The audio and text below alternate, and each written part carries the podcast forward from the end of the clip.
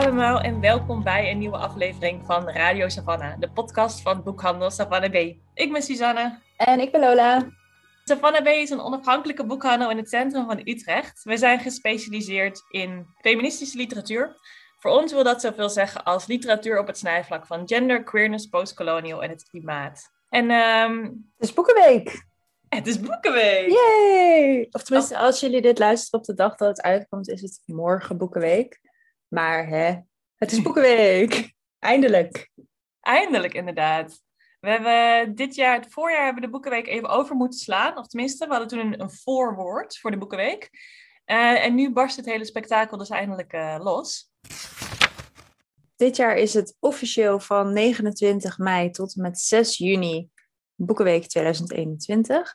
Het thema is tweestrijd. En ehm, bij elke 15 euro die je besteedt bij je favoriete boekhandel aan Nederlandstalige boeken, krijg je het Boekenweekgeschenk erbij. eh, wat wij zagen van Hanna Barefoots. Je kunt het Boekenweek Essay kopen, geschreven door Roxane van Iperen. Het heet De Genocidefax en is, eh, kost slechts 3,75 euro. Eh, en dat zijn toch wel een beetje de, hoe zeg je dat? De hoekstenen van de Boekenweek. Ja. dus deze schrijvers zul je op allerlei plekken ook nog tegenkomen. En ehm, ja, van hun werk kun je sowieso genieten. En natuurlijk van een allerlei andere hele mooie Nederlandstalige boeken. Ja, en het zijn ook wel, het zijn wel vet. Het zijn twee auteurs met twee werken ook, die we ook als Savannah B echt van harte kunnen aanbevelen.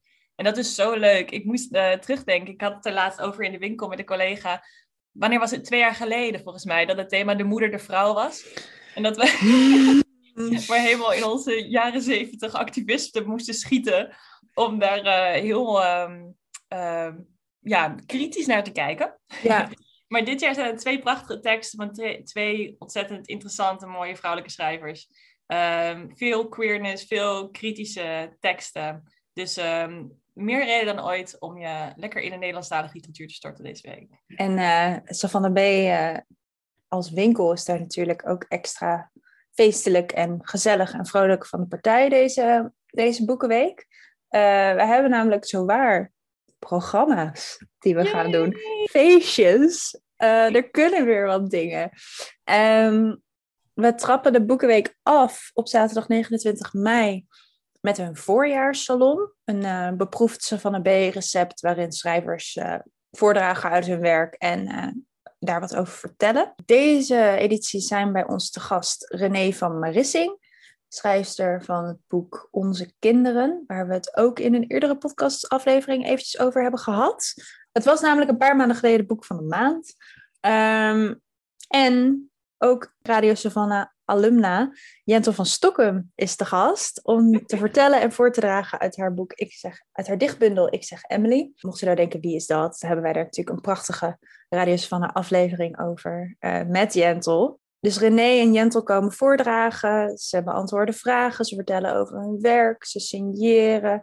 Je kunt hun boeken bestellen in de webshop en dan kan je in de opmerkingen kan je typen wat er, welke opdracht erin geschreven moet worden door deze auteurs. En eh, ja, dat is natuurlijk hartstikke leuk. Daar kan je allemaal voor intunen. Als je je aanmeldt via info.savannahb krijg je een mail met de link om eh, digitaal aanwezig te zijn bij het evenement. En te genieten van eh, deze twee lievelingsauteurs van Savannah B. Over lievelingsauteurs gesproken. eh, wij hebben eh, later in de week, op vrijdag 4 juni, nog een livestream vanuit de winkel. Een leesclubavond met niemand minder dan Bab Schons.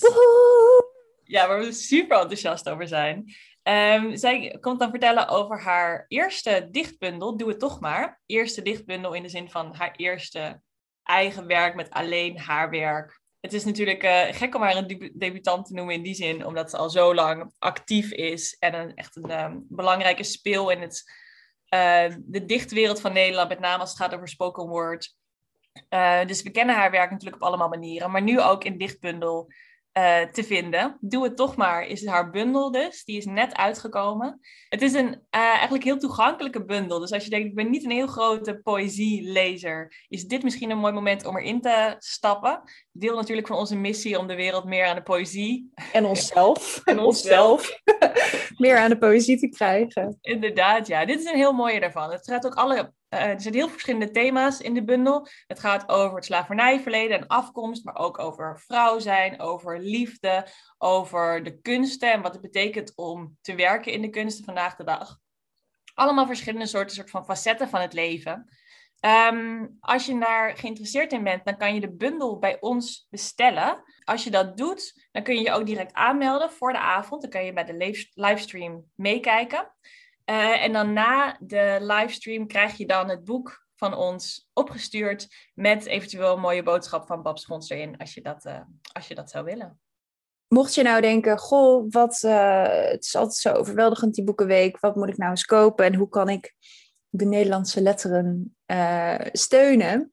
Dan raden wij heel erg van harte Damn Horny aan, verzameling aan erotische verhalen samengesteld door de makers van Damn Honey, podcast. Uh, zij komen in de Boekenweek signeren. Um, en uh, de kansen op een gesigneerd boek zijn helaas al vergeven. Maar we hebben natuurlijk ook gewoon hele grote stapels van het boek in de winkel. En uh, dat is ja, perfect cadeau voor jezelf of voor iemand anders. Ja, het is superleuk. Het zijn dus allemaal erotische verhalen. Juist niet geschreven vanuit zeg maar, een wit cis-man perspectief. Maar volgens mij zegt de beschrijving queer as fuck. Gaat alle kanten op. Alle verschillende soorten erotische ervaringen en verhalen. Door een, dus een veelheid aan schrijvers, waaronder Pap Schons. Ja, echt zo leuk. Zoveel zin in dat boek. Echt hè? Echt heel leuk. Dus dat is nog even een leestip van ons voor jullie. Um, maar kom dus ook vooral langs in de winkel voor tips en uh, andere mooie dingen. Zeker. Wij dachten met deze uh, Boekenweek special gaat het misschien meer dan in eerdere uh, boekenweken echt over de viering van de fysieke boekhandel. Dus dat, dat is natuurlijk altijd, de Boekenweek is altijd een belangrijke week voor, voor fysieke boekhandels, voor zowel de grote als de kleine. Uh, maar juist omdat het dit jaar zo anders moest dan anders en in een andere week dan anders. In 2020 viel de Boekenweek net voor de coronapandemie. Dat mensen, voor veel mensen was het boekenbal dan een soort van hun laatste grote coronavrije evenement.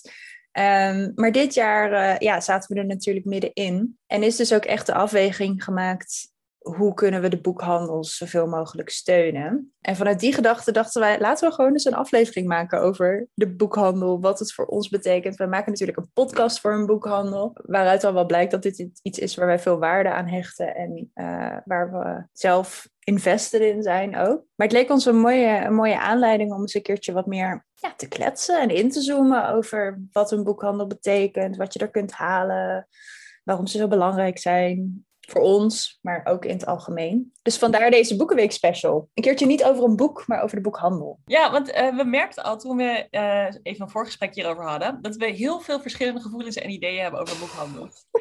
en uh, zoals je al zei, Lola, dat is niet zo gek, want we, ja, we zijn allebei een deel van de boekhandel community in de zin. We zijn vrijwilliger rond en voor van B.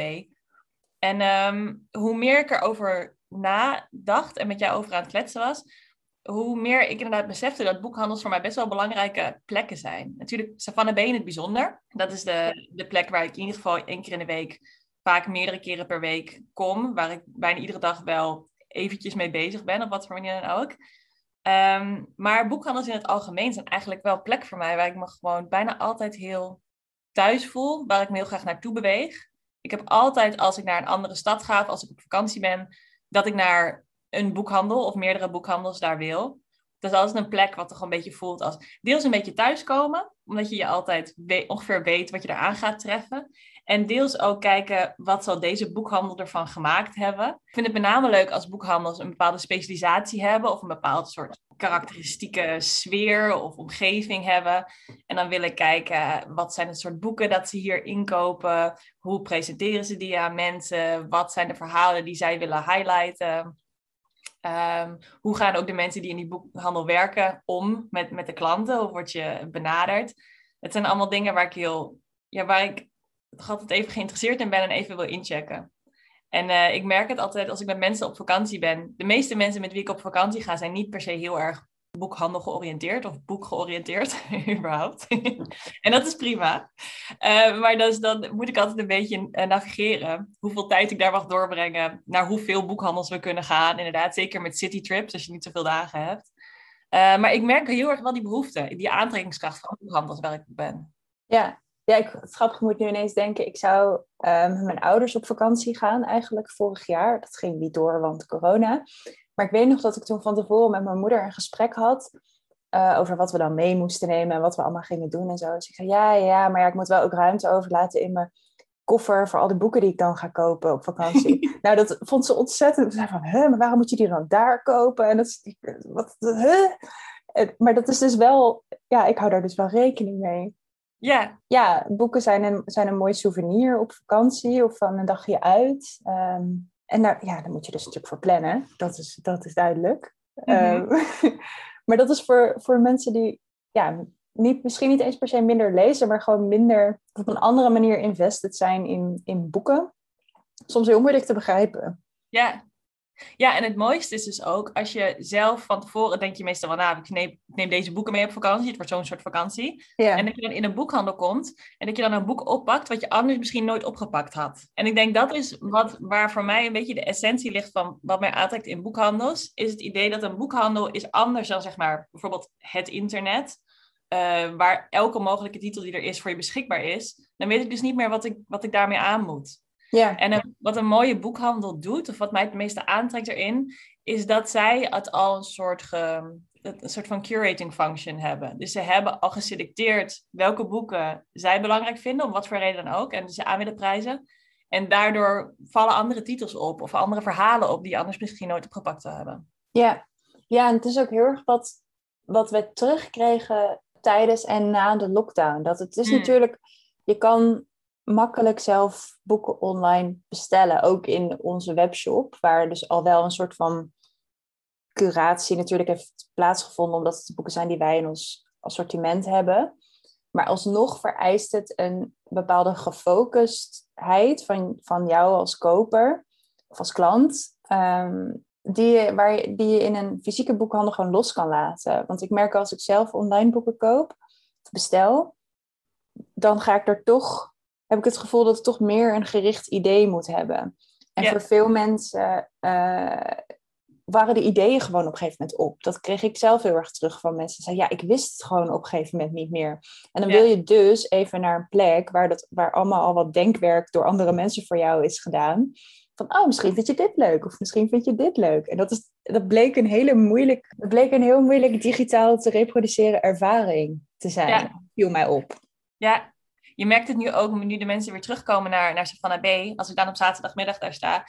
Iedereen, het eerste wat iedereen zegt, het is zo fijn om gewoon even te kunnen neuzen. Ja. En ik heb dus ook bijna geen klanten op het moment die al weten wat ze willen als ze binnenkomen. Ik heb bijna alleen maar mensen die zeggen, ik wil, één, ik wil gewoon weer iets lezen. Dus ik ga kijken wat ik wil lezen. Uh, en dat zijn altijd mijn lievelingsklanten, want daar kan je heel leuk mee kletsen over boeken. Um, of mensen die zeggen, ik wil iets lezen over dit thema, of ik wil zo'n soort boek lezen. Maar het is eigenlijk heel oriënterend. En dat zijn inderdaad de klanten die ik zelf, het soort klant dat ik zelf ook vaak ben, waarbij ik gewoon geïnspireerd wil raken door de selectie en de manier van presenteren in een bepaalde boekhandel. Ja, en dat je dan vervolgens thuis bent en denkt, oh, dit zijn allemaal hele leuke boeken waar ik zelf nooit op gekomen was. Ja. En dat is denk ik ook de mooie kritische potentieel van een boekhandel. Hoe een boekhandel uh, bepaalde verhalen of stemmen naar voren kan brengen, die anders misschien overweldigd worden of onzichtbaar raken binnen het bredere systeem van, van de boekenwereld. En dat is iets wat Savannah B natuurlijk ook heel expliciet probeert te doen, door bepaalde boeken in te kopen, bepaalde boeken bijvoorbeeld in de podcast te bespreken, of boek van de maand te maken, of in de etalage te zetten, of aan te raden als mensen naar vragen. Um, en ik moest daar een tijdje terug, heb ik daar lang over nagedacht. Want ik las toen een boek en dat heette The Feminist Bookstore Movement. uh, van Kristen Hogan. Het is een Amerikaans boek over met name um, Amerikaanse lesbische antiracistische boekhandels. Dat klinkt heel specifiek, maar er is een hele chain van in Amerika sinds de jaren tachtig.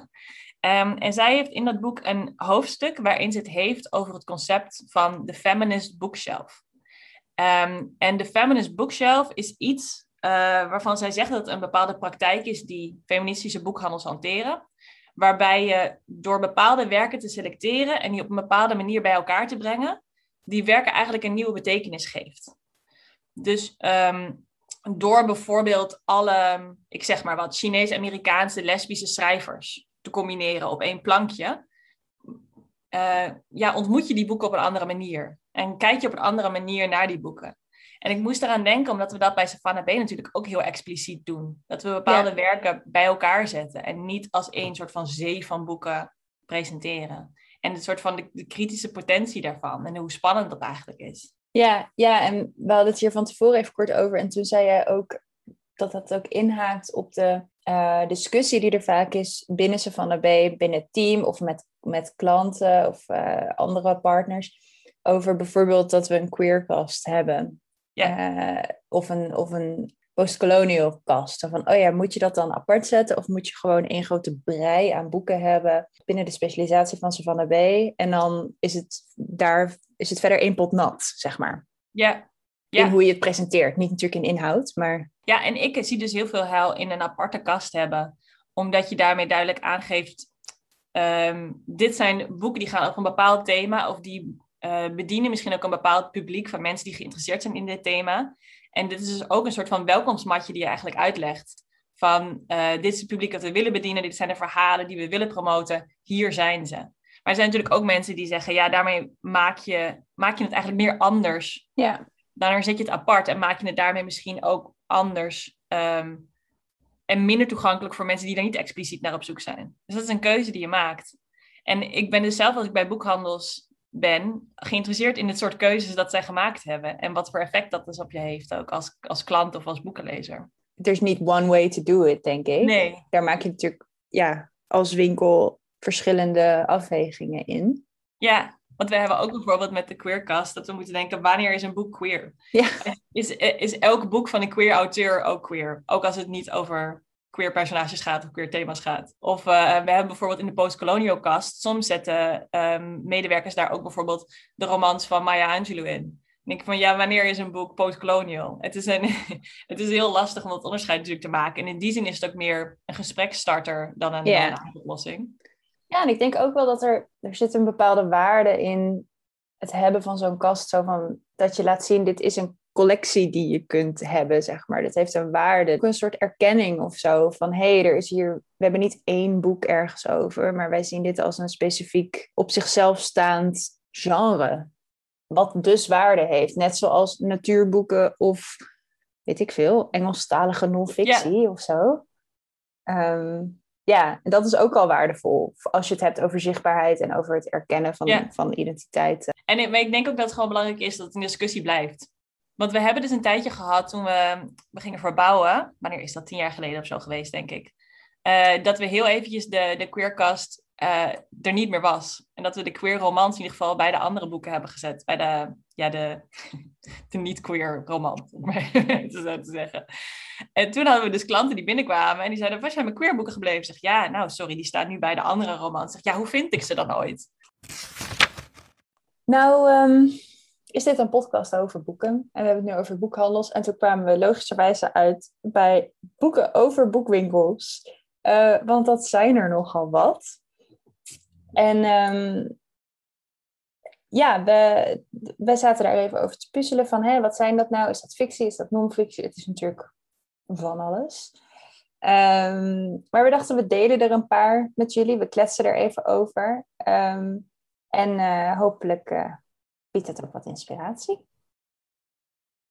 Ja, want het is ergens ook wel logisch dat er veel boeken zijn over boekhandels. Want heel veel mensen die lezen, die houden van lezen, houden van boeken en gaan daardoor graag naar boekhandels. Dus het is ook wel een logisch linkje. Maar pas toen we erin doken, besefte ik hoe diep die connectie eigenlijk is. En hoe boeken, zeker mensen die zich een soort van identificeren als boekenlezer, met een soort van boekishness culture. Uh, hoeveel boeken die hebben om te kunnen lezen over hun eigen ja. Het voelt een beetje ook als een soort inside joke of zo. Of een soort grapje ook van... Ja, maar dit snappen wij allemaal, toch? Jij, lezer en ik, het boek slash de schrijver. Wij, wij, voelen dit allemaal. Nou, ik heb het helemaal inderdaad bij uh, boeken over feministische boekhandels. of van die kleine anarchistische boekhandels. Dat ik merk van, oh ja, dit is inderdaad wel, dit, dit is wel geleefde werkelijkheid, inderdaad. En dat is soms, zijn dat bijvoorbeeld zoals um, Alison Bechdel, die schreef Bikes to Watch Out voor in de jaren tachtig. Het was een stripserie die later gebundeld is. Bij ons te koop, superleuk, iedereen lezen. Uh, maar dat gaat dus, deels speelt dat zich ook af in een lesbische boekhandel in de jaren tachtig in Amerika. En het soort van um, de, alle discussies die daar ontstaan over het creëren van ruimte, het zorgen dat je niet vervalt in een kapitalistische onderneming zijn. Al die discussies die we bij Savannah B ook altijd hebben. Plus uh, een, een, een auteur die daar een beetje de draak mee steekt. En op een, op een zeg maar, ander niveau um, heb ik ook heel veel gelachen. En hebben we in de Savannah J-chat heel veel gekletst over die filmpjes van Portlandia over de Feminist Bookstore. Die ook zo inderdaad zo herkenbaar en zo grappig zijn. Het is heel fijn om jezelf daarin te kunnen herkennen. Want dit zijn dus allemaal meer specialistische voorbeelden. Maar er is gewoon ook een hele traditie, ook van zeer serieuze literatuur tot heel frivole literatuur over boekhandels. En ik, uh, ik ben even een klein beetje ingedoken en ik kwam een paar klassiekers tegen. Voor tips voor mensen als je denkt, ik ben ook een bookshop persoon, ik wil graag over bookshops lezen. Um, een van de oudste boeken die ik tegenkwam is uh, Parnassus on Wheels van Christopher Morley. En dat was een boek wat ik zelf niet kende, maar ik heb hem van de week gelezen. Um, en het is echt voor als je van boekhandels houdt en van in boeken gelooft als een soort poort naar een magische wereld, is het zo'n fijn boek. Wat dus al meer dan 100 jaar oud is. Het gaat over een uh, Amerikaanse vrouw van in de 40 die met haar broer woont uh, op het platteland van Amerika. Uh, eigenlijk iedere dag hetzelfde is. Totdat ze op een gegeven moment uit het niks eigenlijk een reizende boekhandel opkoopt van iemand. En dan gaat zij dus met haar paard en wagen, volgeladen met mooie boeken, gaat zij het Amerikaanse platteland door. En overal waar zij komt, zijn de mensen verwonderd over de boeken, willen de mensen horen wat voor mooie tips zij allemaal heeft over de boeken. Het is eigenlijk het ideaalbeeld van een, van een boekhandelaar. En het is echt dat begin van dat hele, je hebt toch ook wel geromantiseerde idee van wat een boekhandel is en hoe je daarin kan verliezen. Heerlijk boek. Heel grappig ook. En um, misschien als we dan uh, wat later in de eeuw uh, gaan. Dit is even een geschiedenislesje, mensen. We hebben nu opeens. een ander beroemd voorbeeld is denk ik uh, de bookshop van Penelope Fitzgerald uit 1978 ook uh, weer een impuls gehad een paar jaar geleden toen daar een hele mooie verfilming van uh, uitkwam. Waarin we ook uh, weer het verhaal krijgen van een vrouw van, zeg maar, tussen jong en oud in. Eigenlijk die een keuze maakt in het leven om helemaal haar eigen pad te trekken. En dus ook weer een boekhandel opent. Dit keer in een Engels um, plaatsje waar zij ook weer een soort outsider is, waar ze een plek voor zichzelf moet maken, waar ze moet navigeren als vrouw alleenstaande in haar eigen persoonlijke avontuur tussen de avonturen van al de boeken. En dat is denk ik een terugkerend thema, dat het heel vaak gekoppeld is aan vrouwen, zo een beetje zo rond de 40, die uh, boekhandels openen als een soort avontuur in hun leven. En ik denk dat dat ook een motief is wat voor heel veel, um, zeg maar, echte boekenlezers heel herkenbaar is en heel erg aanspreekt. En heel erg, ja, heel erg toch ook een romantisch idee is waar we allemaal in ons leven wel een keer mee spelen. ik vond, uh, ik heb zelf nog een tweede, een laatste tip om hier aan toe te voegen. Uh, het boek 84 Charing Cross Road van Helen Hanf uit 1970. Ik heb het zelf niet gelezen, uh, maar kreeg het wel getipt. en dat gaat over een, dus een briefwisseling tussen Helen of Helene Hanf zij is een schrijver in uh, New York en een, um, een man en, en die een, um, in tweedehands boeken zit. Hij heeft een, uh, ja, een boekwinkel of een boekenzaak. En hij woont in Londen. En zij worden eigenlijk gewoon penvrienden op basis van hun gedeelde liefde voor boeken. Ook heel romantisch hmm. natuurlijk. Um, ze ontmoeten elkaar eigenlijk nooit. Dus het gaat puur over nou ja, boeken uitwisselen, tips uitwisselen, kijken wat ze, waar ze elkaar vinden en waar ze elkaar kunnen ontmoeten door die verhalen.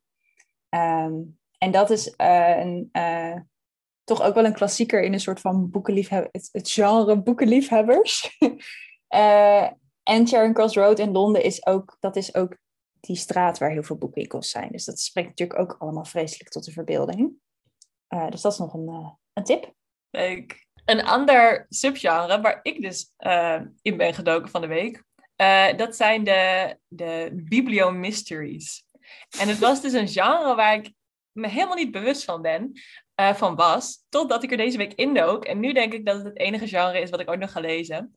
het zijn dus allemaal detectives, waar ik gek op ben, binnen de wereld van boeken.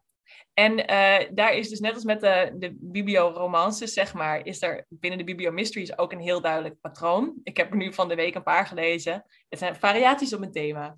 Het zijn meestal jonge vrouwen um, die uh, op de een of andere manier terechtkomen in een boekhandel. Soms gewenst dat ze uh, openen op zoek naar avontuur. Soms ook hebben ze hem geërfd van een, een, moeder of een ander familielid. En zitten ze ermee opgescheept en ze weten niet wat ze ermee moeten. Want ze houden helemaal niet van boeken.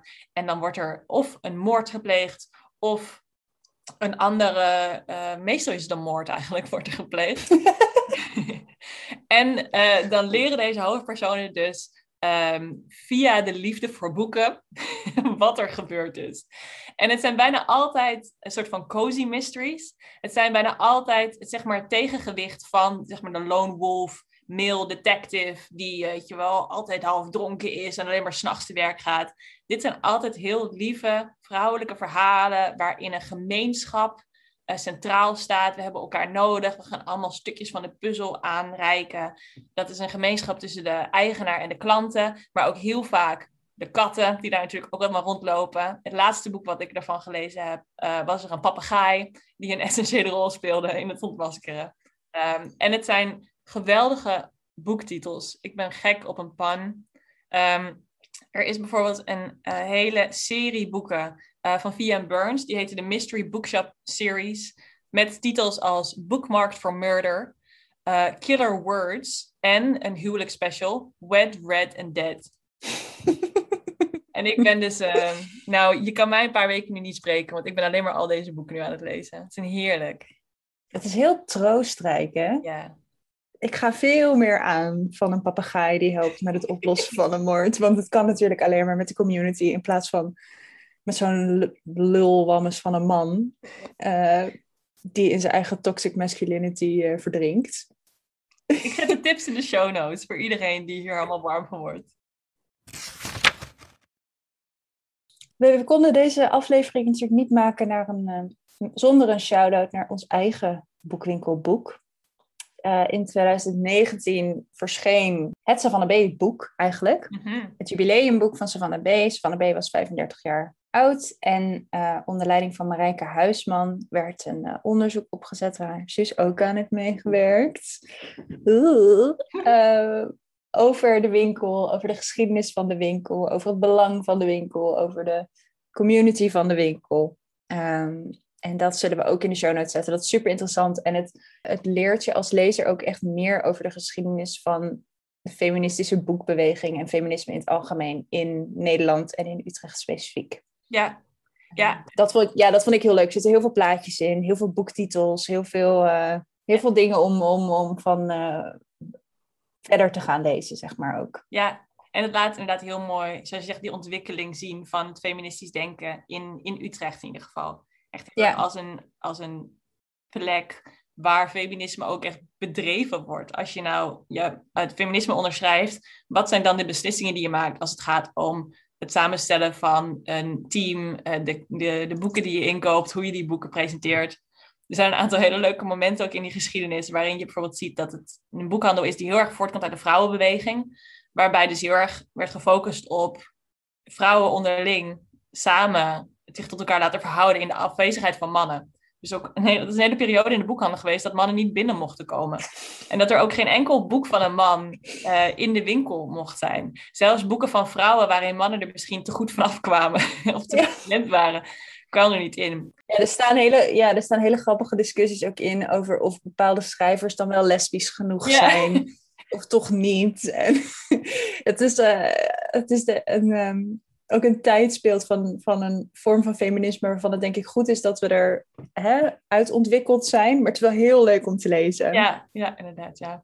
Dus ook nog een leestip. We zetten hem in de show notes. Yes. En uh, lees dat. Ik heb ook mijn research gedaan voor deze aflevering. Susanne heeft Bibliomysteries gelezen. Ik las een ander boek, uh, namelijk de Bookshop Boek. Wat verscheen in 2014, geschreven door Jen Campbell. Jen Campbell is een Britse schrijver die um, poëzie schrijft, kinderboeken, korte verhalen. Uh, en eigenlijk opkwam soort van als non-fictieschrijver met boeken over boeken en over boekwinkels. Ze heeft lang in meerdere boekwinkels gewerkt en schreef onder andere twee boeken over weird things customers say in bookshops. Uh, ook wel bekend en herkenbaar onder veel boekverkopers, denk ik. En schreef in 2014 dus de bookshopboek over onafhankelijke boekwinkels. En voor de bookshopboek ging Jen dus langs bij allerlei onafhankelijke boekhandels over de hele wereld. Veel in de UK en in um, Europa, maar uiteindelijk gaat ze alle continenten af.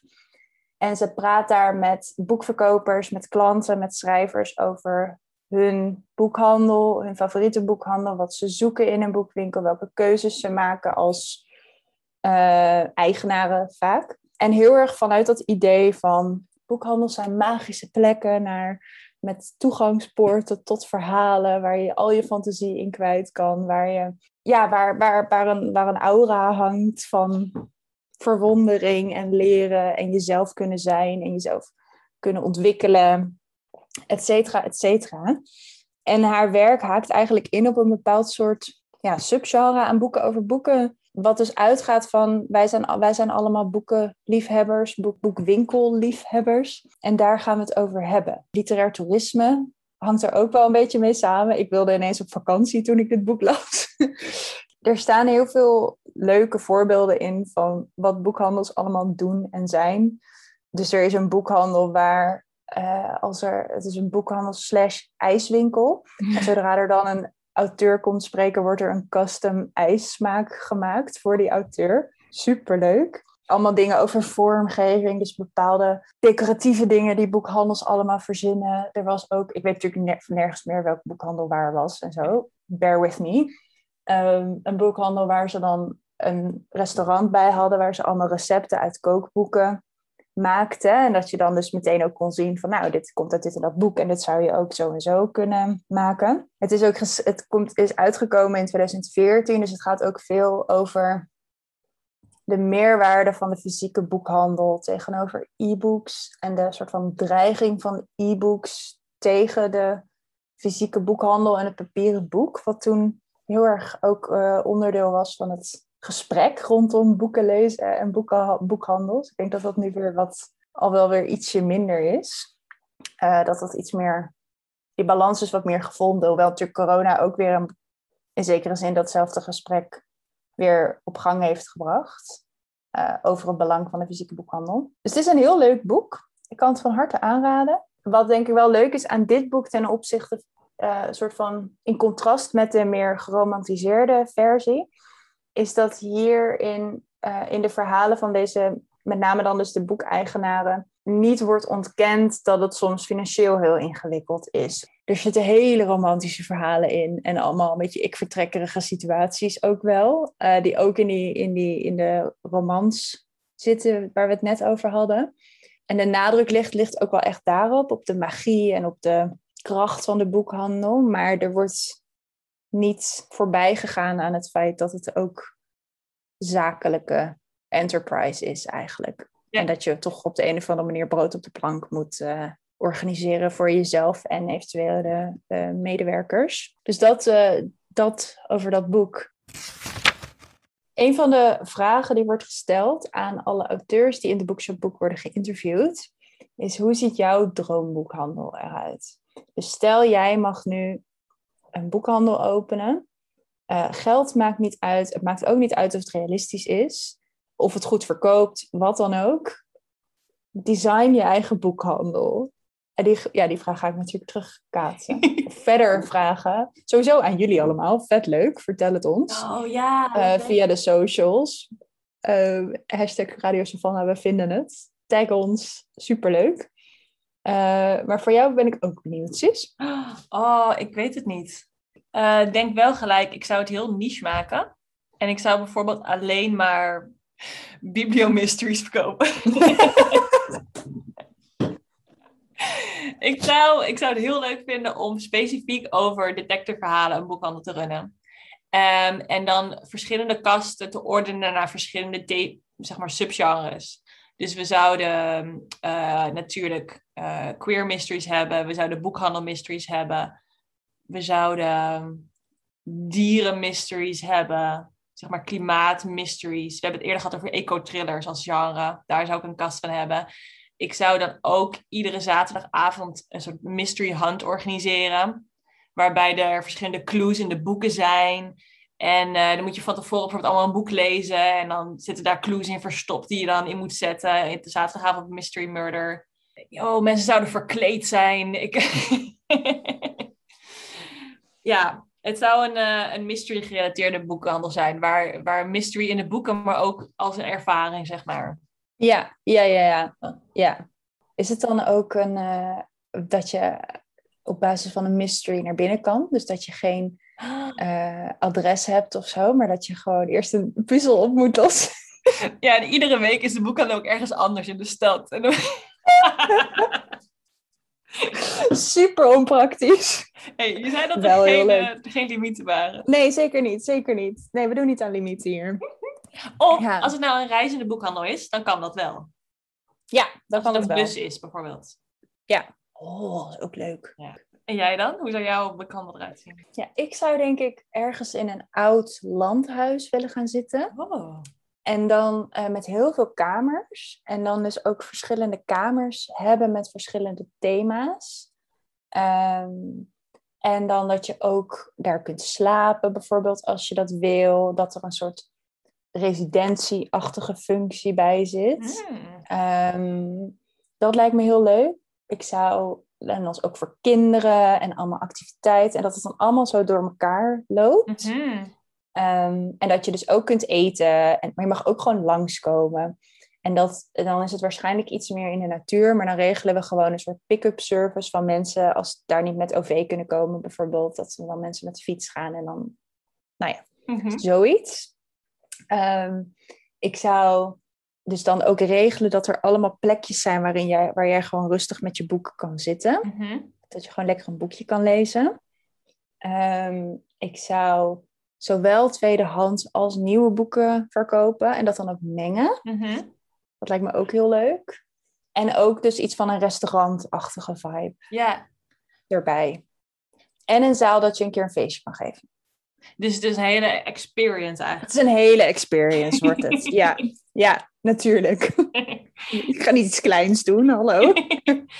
In een rurale setting, met wel boerderijdiertjes en zo ook? Ja, leuk, leuk. Allemaal boerderijdiertjes erbij. En, um, en een tuin. Dat is denk ik. Ik zou het groots aanpakken. Hangmatten? Ja, natuurlijk. en uh, ja, hangmatten en van die luie stoelen waar je dan zo lekker zo, zo Mhm. in kan. En dat, maar ook plekken dat je dus een, uh, een soort leesclub kunt organiseren. Ja. Of stiekem hoekjes waar je verliefd kan worden. Ja, dat soort dingen. Het is allemaal, dat faciliteren we allemaal. Ja, ik denk dus dat moet een het mag ook een groot grachtenpand of zo zijn. Dat vind ik ook goed. Maar als het maar groot is. Ja. Met veel verschillende hoekjes. Ja. Dat je helemaal kan En een beetje rommelig mag wel. Ja. En dan dat allemaal kunstenaars allemaal dingen maken voor op de muur en zo. En... Beetje Villa Kakenbond. Ja, een beetje Villa Kakenbond inderdaad. Dat is een goede, goede samenvatting. Dat zou ik doen. Met al deze droombeelden, hersenspinsels, zijn we aan het einde gekomen van deze Boekenweek special uh, van onze podcast. Um, eigenlijk Boekenweek special nummer twee. Luister vooral ook naar onze eerste Boekenweek special, waarin we samen met Sanne van Driel het boek het Welkom in het Rijk der Zieken lazen van Hannah Barefoot. Hannah Barefoot is natuurlijk de schrijver van het Boekenweekgeschenk dit jaar. Daarom maakten wij die special. Wij zijn uh, volgende week natuurlijk gewoon weer terug met een nieuwe aflevering. Uh, wil jij in de Boekenweek met ons kletsen? Gebruik dan de hashtag Radio Savannah. Je vindt ons op alle socials van Boekhandel Savannah B. Eh, wij zijn allemaal druk in de weer, dus op de socials zal het ook druk zijn. Uh, klets vooral mee. Laat ons weten welk boek jij wil kopen. Laat ons weten hoe jouw ideale boekhandel eruit ziet. Wat jouw favoriete boekhandel is die je bezocht hebt op vakantie. Ehm, we willen het allemaal weten. Yes. We zullen alle, of in ieder geval een aantal van de boeken die we nu genoemd hebben in deze aflevering in de show notes zetten. Uh, vergeet niet om deze week een boek te kopen bij je favoriete onafhankelijke boekwinkel van de B. Uh, we zijn gewoon open. We bedanken natuurlijk ook nog Gooflux voor het maken van nummer Joan en dat wij dat mogen lenen voor onze intro en outro muziek. En we bedanken Rieke Blom voor het maken van ons logo, waar onze boekwinkel heel mooi op te zien is. Yes. En dan uh, horen jullie ons volgende week weer. Jo, fijne boekenweek. Fijne boekenweek. Bye.